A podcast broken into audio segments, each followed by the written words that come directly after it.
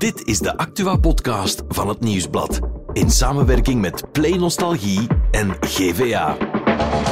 Het is maandag 6 november en de bekende Palestijnse activiste Ahed Tamimi is gearresteerd. De warmste week komt eraan. En dit jaar gaan we vlammen. Voor alle kinderen en jongeren. En het is blijkbaar stil aan tijd om je kerstboom te zetten. Maar vandaag hebben we het eerst over een generatie die liever lui dan moe is. Of dat is toch wat hen soms verweten wordt. Dare you? Maar is Gen Z echt zo anders? Mijn naam is Eline van de Gehuchten en dit is The Insider. Is generatie Z, ofwel Gen Z, zo anders dan andere generaties? In onze studio vandaag hebben we het erover met Jesse van Regenmortel, journalist bij het Nieuwsblad. Dag Jesse. Hey Eline. En ook met Sophie van Grunderbeek, videoreporter bij het Nieuwsblad en ook Gen Z'er. Dag Sophie. Hallo. Jesse, ik ga eerst eens naar jou kijken. Jij hebt meegewerkt aan een groot dossier dat onze krant afgelopen weekend heeft gebracht over Gen Z.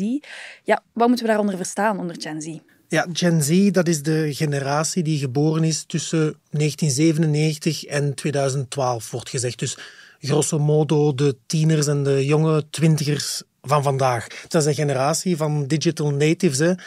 Mensen die zijn geboren en opgegroeid met computers en internet en smartphones en eh, social media.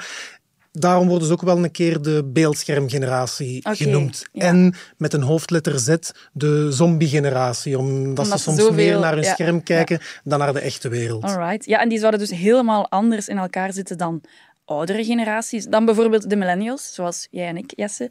Ehm, en jij bent dat ook gaan onderzoeken, of dat echt zo is. Ja, de aanleiding was eigenlijk een stuk dat bij ons in de krant heeft gestaan onlangs. Dat ging over Peter Goossens, de drie-sterrenchef van Hof van Kleven, die nog moeilijk aan personeel geraakt. En in andere drie-sterrenzaken bleek dat ook zo te zijn. Heel opvallend, hè? Want- Wat opvallend Ja. is, want die chefs zeggen allemaal, vroeger stonden de jonge mensen hier in de rij om te mogen komen werken bij een topzaak. Nu moeten wij ze echt gaan zoeken. Het is een nieuwe generatie, die generatie is anders. Oké. Ja, dus een andere generatie. Sophie, jij bent Gen Z'er van die andere generatie, op het randje, want je bent 26. Hoe kijk jij daarnaar? Effectief liever een glas cava dan eh, een overuur? Goh, een glaasje kava kan er altijd wel in, maar eh, als er een deadline is, als het werk af moet zijn, dan vind ik dat alleen maar normaal dat we dat werk doen. Als ik merk dat ik dat werk evengoed de dag nadien kan oppikken, dan vertrek ik ook wel gewoon als mijn uren gedaan zijn. Dat vind ik ook wel normaal. Ja, niet blijven zitten als het niet nodig is. Nee, voilà, inderdaad. Oké, dus we hebben dan de sterrencheffen die zeggen een andere generatie. Ehm, zij eisen ook flexibiliteit. Sophie, ja, hoe kijk jij daarnaar? Jij bent hier dan als Gen Z'er op de werkvloer op onze redactie. Jij werkt ook in Youth Lab. Dat is een, eh, een, ja, een Ja, deelredactie die zich ook ja, focust op deze doelgroep. Hoe Mhm. kijk jij daarnaar? Hoe, hoe is het om Gen Z'er te zijn? Goh, ja, ik vind nu ook niet dat wij zo erg verschillen van oudere collega's. Maar ehm, wat dat ik wel merk is dat voor mijn leeftijdsgeneratiegroep dat eh, de mentale gezondheid wel echt voorop staat. Wij leven niet om te werken, wij werken om te leven. Wat dat niet betekent dat wij, dat wij geld niet belangrijk vinden. Wij moeten ook onze huur betalen. Wij moeten ook eh, natuurlijk onze... Als wij op café willen gaan, moet dat ook betaald worden. Dus wij vinden een, een goed loon vinden wij ook heel belangrijk. Maar het moet wel...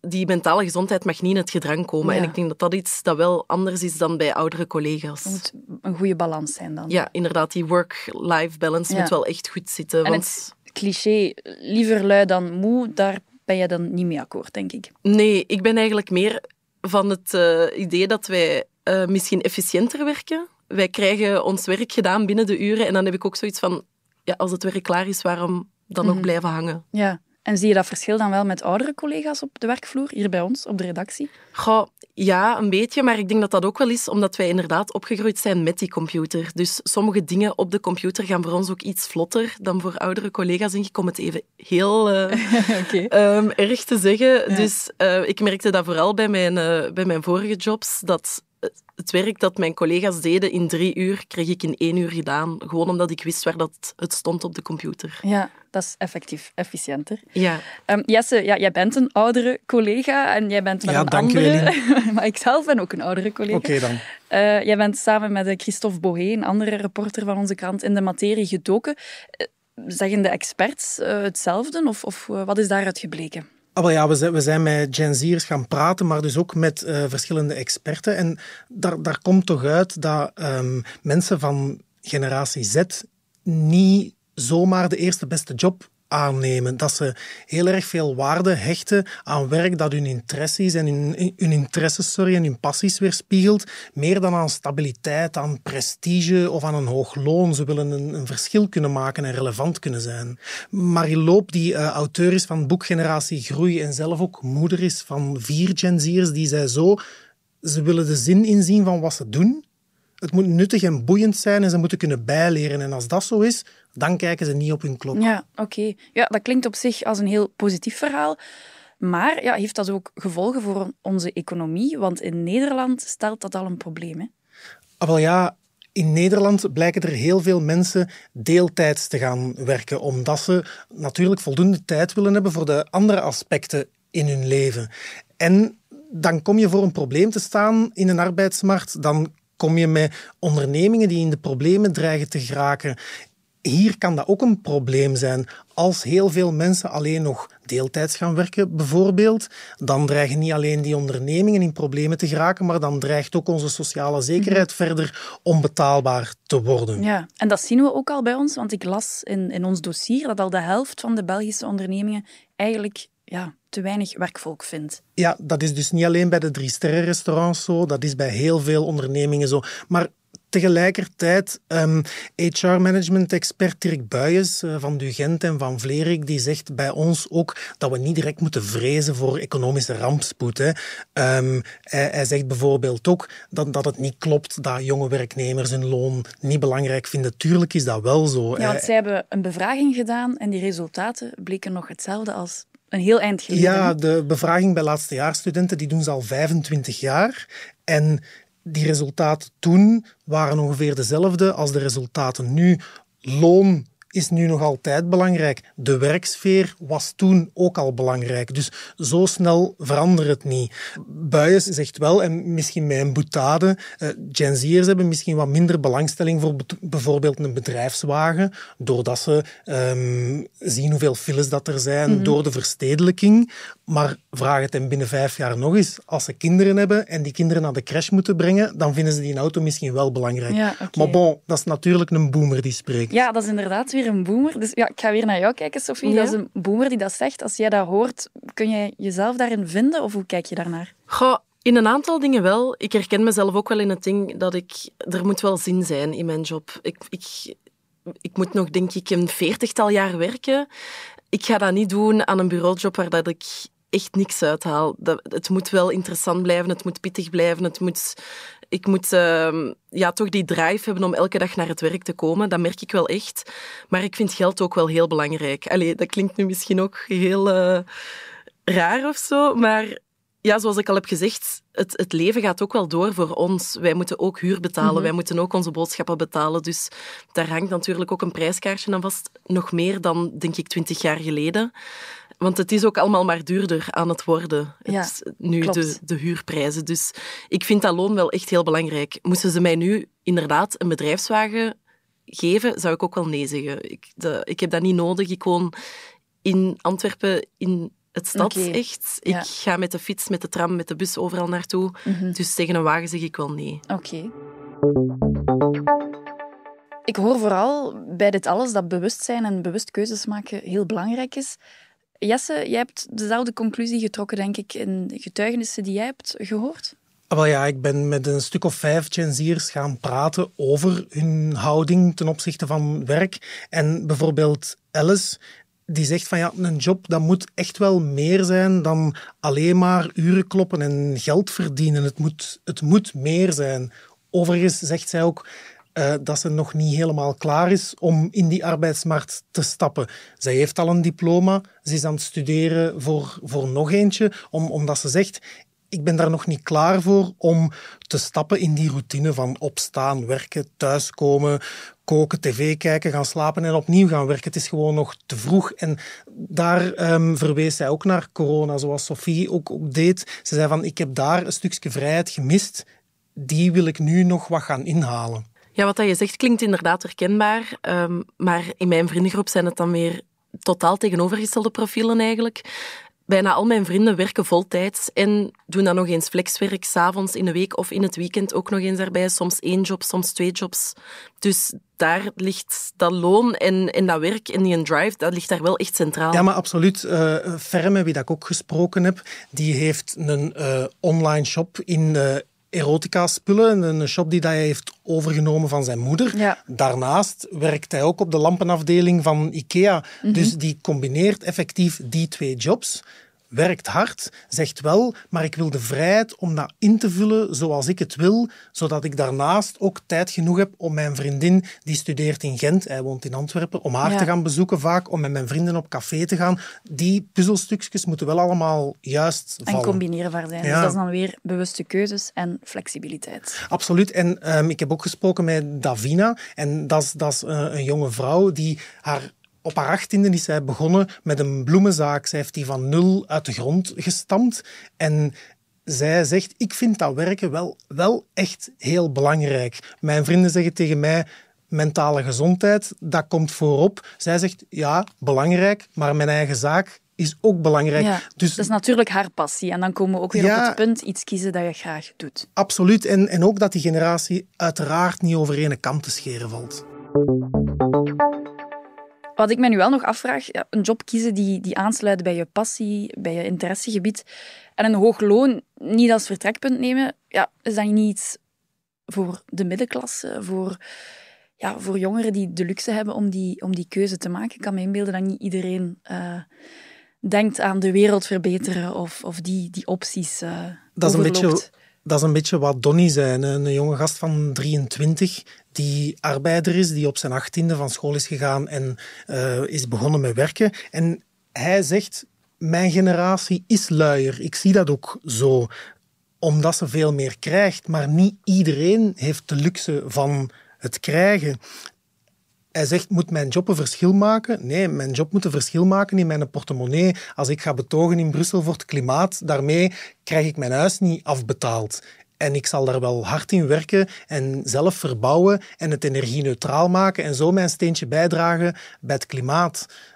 Dus opnieuw is dat weer een stem die Ja, iets anders zegt. ja, dat zijn heel uiteenlopende profielen. Hè? Ja, ik denk vooral dat het belangrijk is dat we, dat we onthouden dat het geen of-of verhaal is hier, maar een en-en verhaal. Het is niet ofwel kiezen voor mentale gezondheid en niet meer voor het werk. Nee, wij vinden mentale gezondheid belangrijk, maar wij vinden werken even goed belangrijk. Wij willen ook geld verdienen, promotie maken, maar evengoed thuiskomen, met vrienden afspreken en ja, die work-life balance echt goed houden. Ik denk dat dat gewoon het belangrijkste is.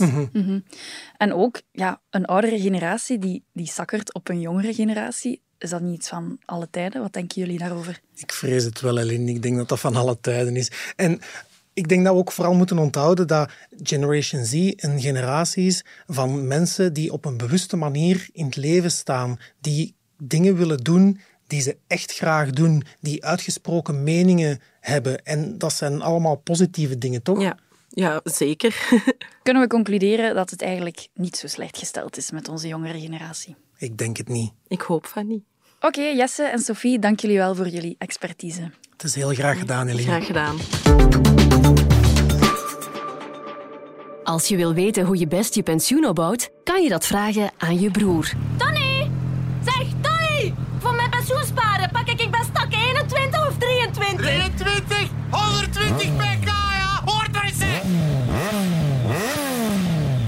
Je kan er dus maar beter over praten met de experten van KBC. Via Kate en KBC Mobile, via KBC Live of gewoon via je kantoor of agentschap. Jouw leven, jouw plannen. KBC. Beweegt met je mee. Voor het andere nieuws is producer Nathalie Delporte erbij komen zitten. Dag Nathalie. Dag Eline, ik voel mij stokoud vandaag. Ja, Nog een andere generatie. ouder dan Gen Z en de millennials. Ja, nog ouder generatie X, maar wel twee Gen Z-pubers in huis, dus dat helpt. Oké. Ja, we moeten het hebben over Ahed Tamimi. Het Israëlische leger heeft op de bezette westelijke Jordaan-oever Ahed Tamimi gearresteerd. Dat is een bekende Palestijnse activiste. Hè? Ahmed Tamimi werd op 14-jarige leeftijd bekend nadat ze werd gefilmd toen ze een Israëlische soldaat beet om te voorkomen dat hij haar broer arresteerde. En sindsdien is ze een wereldwijd icoon geworden voor de Palestijnse zaak en wordt ze door Palestijnen gezien als een voorbeeld van moed tegenover de Israëlische onderdrukking in de bezette Palestijnse gebieden. Ja, en waarvan wordt zij nu precies verdacht? Van aanzetten tot geweld en terroristische activiteiten. Ze is overgedragen aan de Israëlische veiligheidstroepen voor verdere ondervraging. Dus ja, dat belooft. Oké. Ja, en ondertussen, afgelopen nacht en ook vanochtend nog, blijft het geweld escaleren in, in Gaza natuurlijk. Hoe zit het daar met de cijfers bijvoorbeeld? Ja, dat is miserie. Hè. Elke tien minuten sterft een kind in Gaza en sinds 7 oktober zijn er al 700.000 mensen dakloos. Ja, oké. We blijven het verder opvolgen natuurlijk. Daarvoor kan je altijd terecht op onze website van het Nieuwsblad. Ander nieuws, dichter bij ons. Het is bijna tijd voor de warmste week. De warmste week is er weer. En dit jaar gaan we vlammen voor alle kinderen en jongeren. Ja, op 18 december wordt het startschot gegeven, maar er zijn al wat dingen bekendgemaakt over de nieuwigheden. Bijvoorbeeld dat de warmste week voor de eerste keer in Brugge plaatsvindt en dat er ook een aantal nieuwe gezichten hun intrede doen. Oké, en kennen we ze al van de radio of om we wie gaat kennen het? ze sowieso bijzonder goed. Zita Wouters Oké. kennen we. Niels Ja. de Stadsbader Ja. kennen we. Ze trekken allebei mee aan de kar dit jaar. Niels als toch wel leading man. Hij gaat eh, elke dag presenteren. Een show vanuit het warmste huis in Brugge. En Zita doorkruist dan weer heel Vlaanderen om vlammetjes te verkopen. Oké, en ja, die vlammetjes, waarvoor staan die dit jaar? Waarover gaat de warmste week? Het thema dit jaar opgroeien zonder zorgen. En vanaf vandaag kan je ook opnieuw een vlammetje kopen. En zo steun je de 287 geselecteerde projecten. Oké, en dan besluiten we met iets luchtiger. Want ja, het is wel herfst buiten, dat zien we, dat voelen we ook. Maar sommige mensen gaan al voluit voor kerst.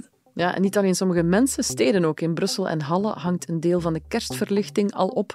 En sommige inwoners zijn daar niet van gediend. Ze uiten hun ongenoegen op social media. Ah ja, de Sint is ook nog niet geweest. Het is dat, ah, je zit in dat kamp.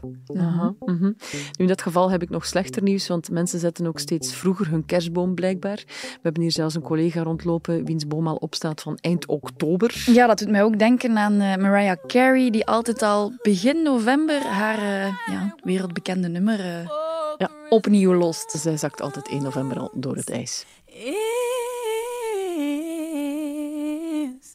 you.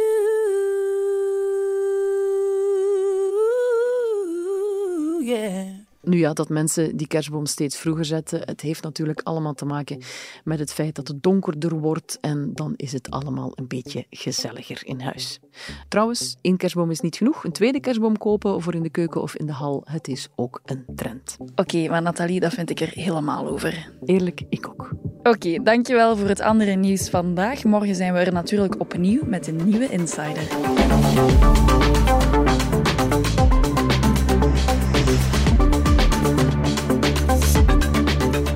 Was The Insider, een podcast van het Nieuwsblad in samenwerking met Play Nostalgie en GVA.